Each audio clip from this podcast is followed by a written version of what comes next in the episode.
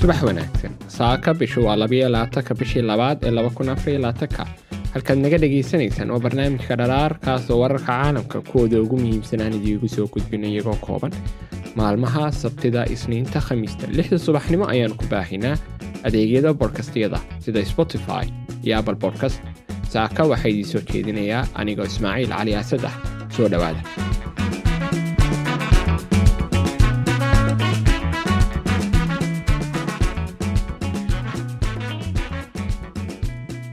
hay'adaha sirdoonka maraykanka ayaa u sheegay xulafadooda ugu dhow ee yurub ay u badan tahay sanadkan inuu orbitka geenayo ruushka nukliyar halka dhinaca kale ay noqonayso tijaabo cusub oo awoodaha reer galbeedka iyo ruushkaba dhex mara. Qiimayntan ayaa timid kadib warbixino sir ah oo xulafadooda nato iyo aasiya faahfaahin dheeraadana ka siiyeen ujeedooyinka ruushku uu halkaa uu tegayo hay'adaha sirdoonka maraykanka ayaa si weyn ugu kala qaybsan fikradooda ku aadan. Waxa uu qorsheynaya madaxweyne valadimir putin waxaana talaadadii master putin ama mudane putin uu ku gacan seeray eedeymaha ah inuu damacsan yahay inuu hubka nukliyerka geeyo hawada sare ee orbitka. Waxaana wasiirka gaashaandhig uu sheegay in digniinta sirdoonku ay tahay mid looga dalnayay dadaalo lagu doonaya in kongaresku uu ogolaado gargaar dheeraad ah oo loogu talagalay ukraine intii lagu guda jiray kulan uu la yeeshay wasiirka gaashaandhigga mudane putin wuxuu sheegay ruushku inuu weligii si cad uga soo horjeeday in hubka nukliyerka la dhigo hawada sare. Waxaanu ixtiraamayaa heshiiskii iyo toddobadii kaasoo autospatrity la dhaho kaasoo mamnuucaya in la hubeeyo hawada sare. Kuma baaqayno oo keliya in la ilaaliyo heshiisyada hadda jira aanu ka leenahay aaggan. Sidaa waxaa warbaahinta ruushka baahisay laakiin waxaan soo jeedinaynaa in marar badan la sii xoojiya dadaaladan wadajirka ah. Arbacadii mudane putin wuxuu xoojiyey doorka uu aaminsan yahay in hubka nukliyerka ee ruushku oo door muhiim ah ka qaata difaaca dalka ee ruushka. Booqasho warshada duulista waxaanu fuulay diyaaradda t u m ahna midka ugu casrisan ee ruushku leeyahay mudane putin ma qarsanin xiisaha uu qabo inuu casriyeeyo nidaamyada ridada dheer xilliga dagaalkii qabooba ee ruushka sida bamyada kaasoo gaari kara maraykanka oo loogu talagalay inuu qaado laba dersin oo hubka nukliyerka ah waxaanu mudane putin xiiseynayaa in raxan cusub oo hub ah la soo saaro qaar ayaa weli ku jira wejigii koowaad ee horumarka waxaana hubabka ka mid ah qaar lagu tilmaamay inay duqeyn karaan xeebaha galbeed ee maraykanka.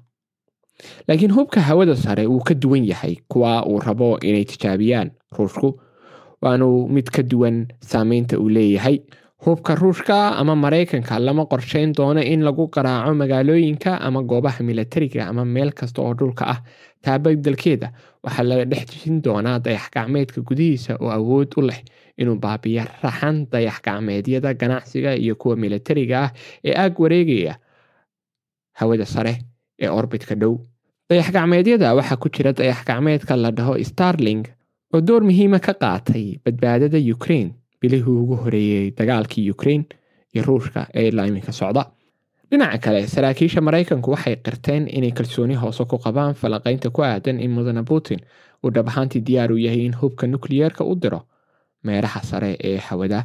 Waxay ku soo gabagabeeyeen ruushku tijaabiye nidaamkan oo kale horaantii ku dhowaad wakhtigii mudane putin uu amray duulaanka ukraine laakiin waxay qaadatay wakhti in hay'adaha sirdoonka maraykanku ay ogaadaan in tijaabadu ay tahay dhaqan lagu dhaqmo in hubka nukliyerka la geliyo mareegtada hawada sare. Hay'adahaas waxay u qeybsameen qiimeyntoodii wax soo socda. Qaar ayaa aaminsan in mudane putin uu soo saari karo hub laakiin ma kala cadda inay been abuur tahay iyo in kale.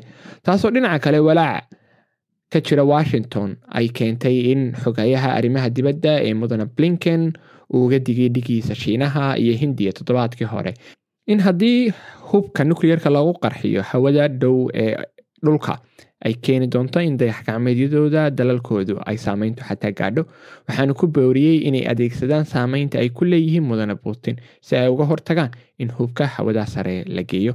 Balse dhinaca kale wasiirka gaashaandhigga ee ruushka ayaa ku tilmaamay talaadadii in ruushku aanu jebin heshiiskii waxaanuu yidhi ma hayno wax hub ah oo nukliyar ah oo la geeyey hawadaa sare ama walxaha hubka ee nukliyerka loo isticmaalo satellite-ka ama goobaha loo abuuray si loo joojiyo dayax-gacmeedyada sidaa waxaa yidhi wasiirka oo u sheegay warbaahinta ruushka. Waxaa sidoo kale uu raaciyey ma hayno taas.